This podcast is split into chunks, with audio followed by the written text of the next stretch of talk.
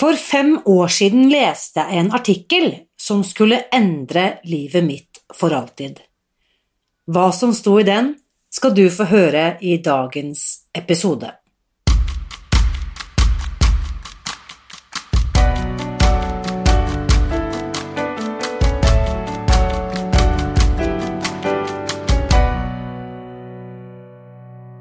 Mitt navn er Irina Li. Jeg er journalist og forlegger, gründer og sosialentreprenør. I 2015 spiste jeg meg fri fra overvekt og fedme etter å ha slitt med vekt, kropp og følelser i nesten 30 år. Etter at jeg fant oppskriften på å spise meg fri, ga jeg meg selv et nytt oppdrag å dele denne kunnskapen med alle som trenger det. I første sesong av denne podkasten deler jeg hele lydboken Spis deg fri. Den finner du ved å bla deg tilbake til høsten 2019. Og hver uke inviterer jeg nå gjester som gir deg påfyll til hodet, hjertet og magen. For min visjon er å endre Helse-Norge, og det får jeg ikke til alene. Du kan bidra ved å abonnere på podkasten, skrive en omtale i iTunes og dele denne episoden med noen du bryr deg om. Da setter vi i gang med ukens episode. I forrige uke fortalte jeg deg min historie. Om hvordan jeg gjennom nesten 30 år var uvenn med min egen kropp, og hvordan jeg kjempet mot tunge kilo, tyngende tanker og tonnevis av skam. I dag skal jeg fortelle deg om den ene setningen jeg hørte for ganske nøyaktig fem år siden, som faktisk endret livet mitt for alltid.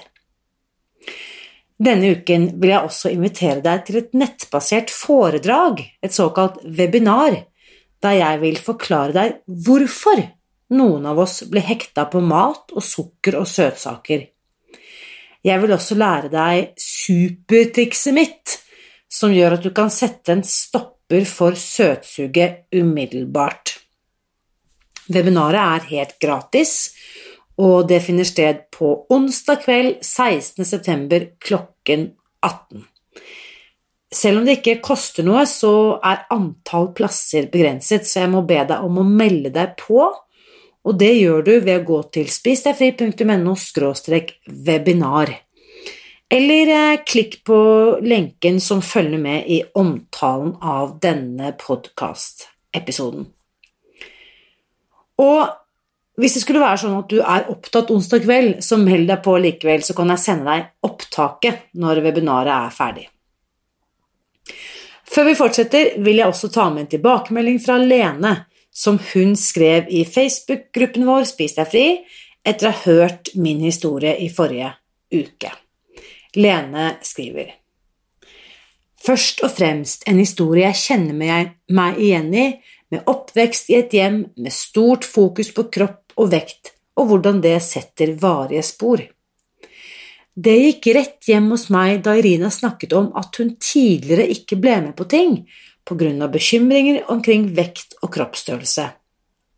Dette har jeg gjort hele mitt liv selv, og gir liksom liv til det mange sier, at man angrer mest på de tingene man aldri gjorde.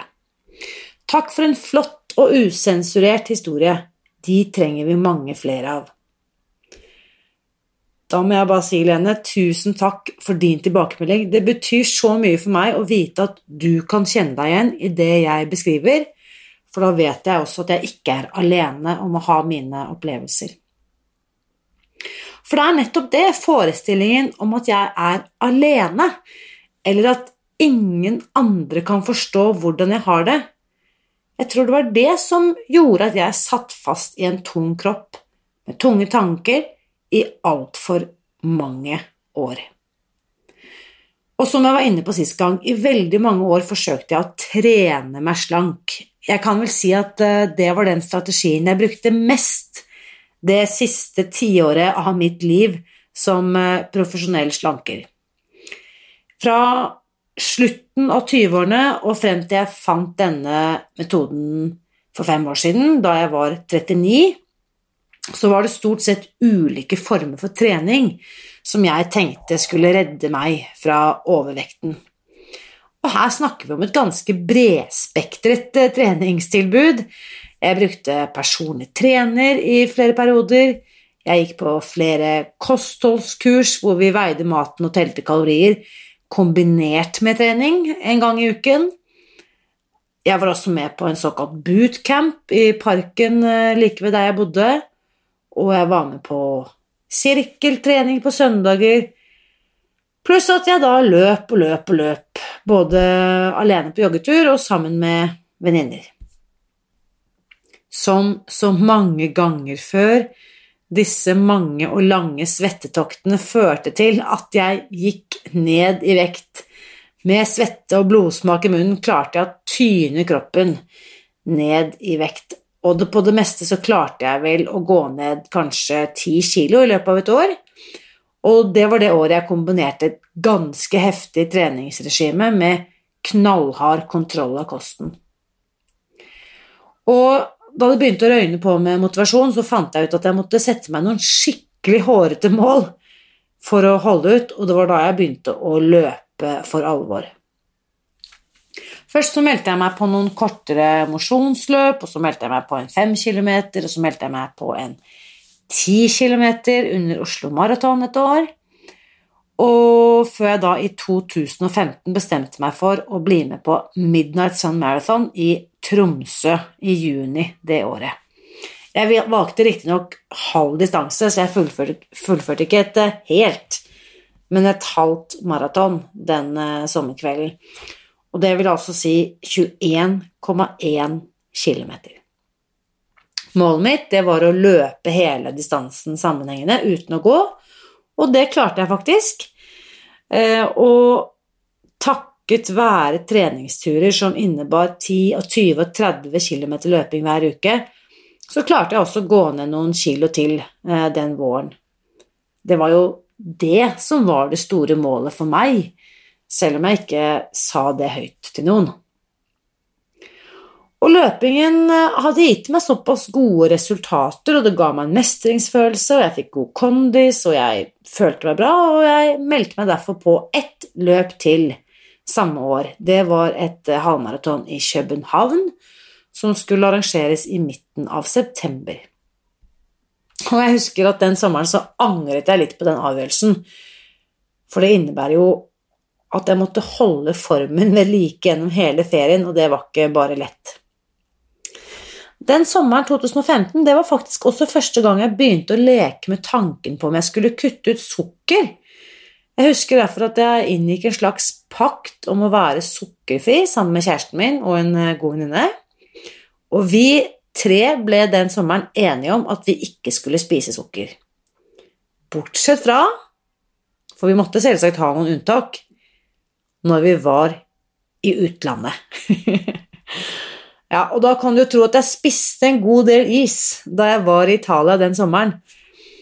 Og utover høsten så raknet egentlig hele det prosjektet, og jeg tror ingen av oss eh, følte noe stort behov for å minne hverandre på den pakten vi hadde inngått.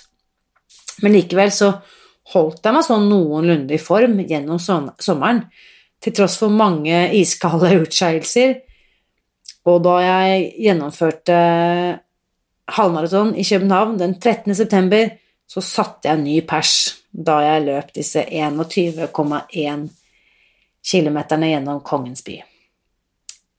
Og det er nesten komisk å tenke på tilbake på den dagen nå, fordi det første jeg gjorde etter at jeg var ferdig med det løpet, det var å gå på et dansk konditori hvor jeg spiste en gedigen kanelbolle. og jeg husker jeg kom hjem fra den danmarksturen, så la jeg meg bokstavelig talt på sofaen. For nå hadde jeg jo virkelig fortjent en hvil. Etter å ha trent så hardt så lenge, og etter å ha gjennomført ikke ett, men to halvmaraton i løpet av noen få måneder. Det var altså i september 2015, nøyaktig fem år siden. Og jeg vet ikke om jeg skal le eller gråte når jeg tenker tilbake på den mørke, mørke høstkvelden et par uker senere, da jeg reiste meg fra sofaen igjen og oppdaget at buksene jeg hadde kjøpt på sommersalg i Oslo noen uker tidligere, ikke passet lenger. Mitt bitte lille opphold i Lykkeland, hvor vekten hadde vært på vei nedover og formen hadde vært på topp, var definitivt over.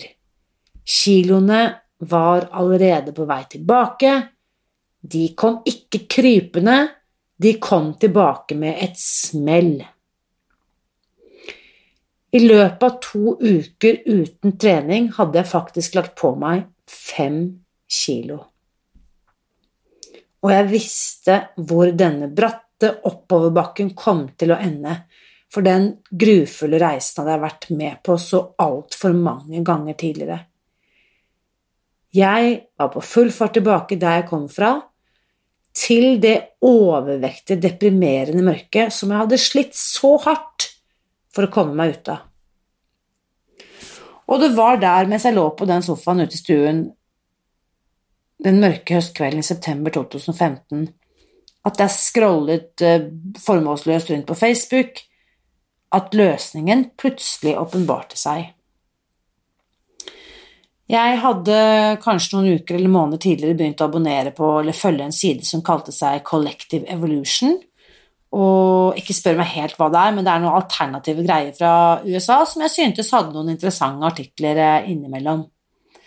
Og akkurat denne dagen så klikket jeg meg inn på en artikkel som handlet om den vanligste feilen folk gjør, som gjør at de forblir overvektige. Klikket meg inn på den artikkelen, og det var første gang jeg leste navnet Susan Pierce Thompson. Og det var akkurat denne opplysningen som fikk meg til å skjønne at hun visste hva hun snakket om, for det hun kom eh, og påsto, var noe helt annet enn det jeg hadde hørt alle andre steder. Susan Pierce Thompson påsto nemlig at den vanligste feilen folk gjør for å gå ned i vekt, er å stole på viljestyrken. Jeg gjentar det, for det var så oppsiktsvekkende, denne påstanden. Det hun påsto, var nemlig altså at den vanligste feilen folk gjør for å gå ned i vekt, er å stole på viljestyrken. Og nettopp derfor, siden viljestyrken er en upålitelig ressurs, så kan faktisk trening hindre deg i å gå ned i vekt, fordi da bruker du opp all din viljestyrke på å trene i stedet for å gjøre det som er mye smartere, nemlig å ta de rette valgene rundt mat. Boom! Det var som om det smalt i hodet mitt da jeg leste disse setningene. Det var som om absolutt alle biter falt på plass. Jeg skjønte umiddelbart hva hun mente, og jeg visste at det stemte for meg. Jeg hadde slitt meg ut på å trene, trene og trene. Jeg hadde brukt opp all min viljestyrke på å komme meg til det treningssenteret og på å gjennomføre den økten. Og når jeg da kom hjem etter eh, diverse kilometer på tredemøllen, eller etter å ha løpt en langtur i skogen, så var jeg ofte så sliten og utmattet at det eneste jeg klarte da, var å belønne meg selv med en banan eller en stor skål med yoghurt eller en smoothie eller noe mindre sunt. Så i løpet av de neste dagene så lyttet jeg til eh, alt jeg fant av foredrag og intervjuer med Susan Pierce Thompson på nettet, og innen uken var over, så hadde jeg meldt meg på hennes eh, nettbaserte kurs. Du skal få høre mer om Susan senere i høst. Det viktigste jeg ønsker å fortelle deg denne uken, det er hvor verdifullt det kan være å få tilgang til rett kunnskap til rett tid. Kanskje bør jeg også legge til relevant kunnskap til rett tid. For det var faktisk det som hadde manglet i mitt tilfelle. Jeg satt nemlig fast i en forestilling om at jeg ville lykkes med vektnedgang ved å spise mindre og trene mer, som har vært eh, gullstandarden for behandlingen av overvekt de siste 40 årene. Spør en hvilken som helst allmennlege, eller sjekk hva som er Helse-Norges offisielle råd til nordmenn som vil ned i vekt, og svaret er det samme. Spis mindre, beveg deg mer. Dette, er, dette, rådet er så innarbeidet og allment akseptert at ingen engang stiller spørsmål ved om dette er sant, om det faktisk stemmer. Problemet er bare at det rådet, det funker ikke. Det er ikke sant. Det er ikke mulig å gå ned all sin overvekt og bli der ved å spise mindre og trene mer. Dette vet de som har forsket på det. Faktisk så viser det seg at kun én av hundre som forsøker å gå ned all sin overvekt, lykkes i løpet av ett år. Og av de som har klart å komme ned i normalvekt, er det kun én av hundre som opprettholder samme vekt etter syv år. Det vil i praksis si hvis 10 000 mennesker som sliter med overvekt og fedme i dag, bestemmer seg for å gå ned i vekt ved å spise mindre og trene mer, vil det kun være én person som fortsatt vil være normalvektig om syv år. Når én av 10 000 lykkes, ja, det vil jeg kalle definisjonen på fiasko. Eller det viser i hvert fall at det er umulig. Så hva er resultatet når vi gang på gang får høre at vi må ta oss sammen ved å spise mindre og trene mer? Jo, det eneste jeg sitter igjen med da, er en enda større følelse av skam. For når jeg ikke får det til, så er det bare et bevis på at jeg enten er dum, lat eller grådig. Poenget mitt er også Takket være Susan Pierce Thompson fikk jeg kunnskapen jeg trengte for å gjøre endringer. Den oppsiktsvekkende og helt logiske påstanden hennes om at jeg hadde angrepet problemet med feil verktøy, ble vendepunktet jeg trengte for å gi meg selv en ny start den høsten. Og nå vil jeg gjerne dele den samme kunnskapen med deg, slik at du får muligheten til å spise deg fri Uansett om du føler at du sitter fast i et ustoppelig søtsug, tilbakevendende overvekt eller kostholdsrelaterte helseplager. Det finnes en løsning som ikke handler om viljestyrke, og det handler altså ikke om å spise mindre eller å trene mer. Tvert imot.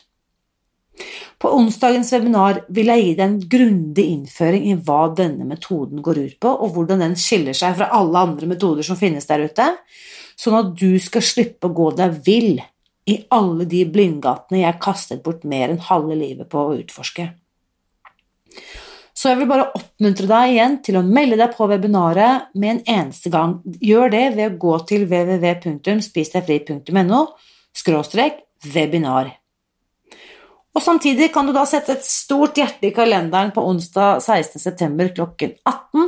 Foredraget varer i utgangspunktet i 90 minutter, og dette er jo da på direkten, så jeg setter også av tid eh, etterpå, sånn at du kan få svar på det du lurer på mens vi er sammen. Og webinaret er altså helt gratis, men siden antall plasser er begrenset, så må jeg be deg om å melde deg på. Og som jeg nevnte innledningsvis, ved å melde deg på så sender jeg deg også opptaket etterpå, slik at du har muligheten til å få sett det selv om ikke du kan være med live onsdag kveld. Så du går altså inn på spisdegfri.no webinar, eller bare klikk deg inn på linken som følger med i omtalen av dagens episode. Så ses vi på onsdag. Helt til slutt. Mitt motto er at gode nyheter er skapt for å deles. Så hvis du har lyst til å hjelpe meg med det, så del gjerne denne podkasten i dine sosiale medier. Du kan også gjøre som Lene og skrive en omtale eller klikke på fem stjerner inne i iTunes, så bidrar du til at enda flere kan oppdage denne podkasten. Husk også at jeg heier på deg. Alltid.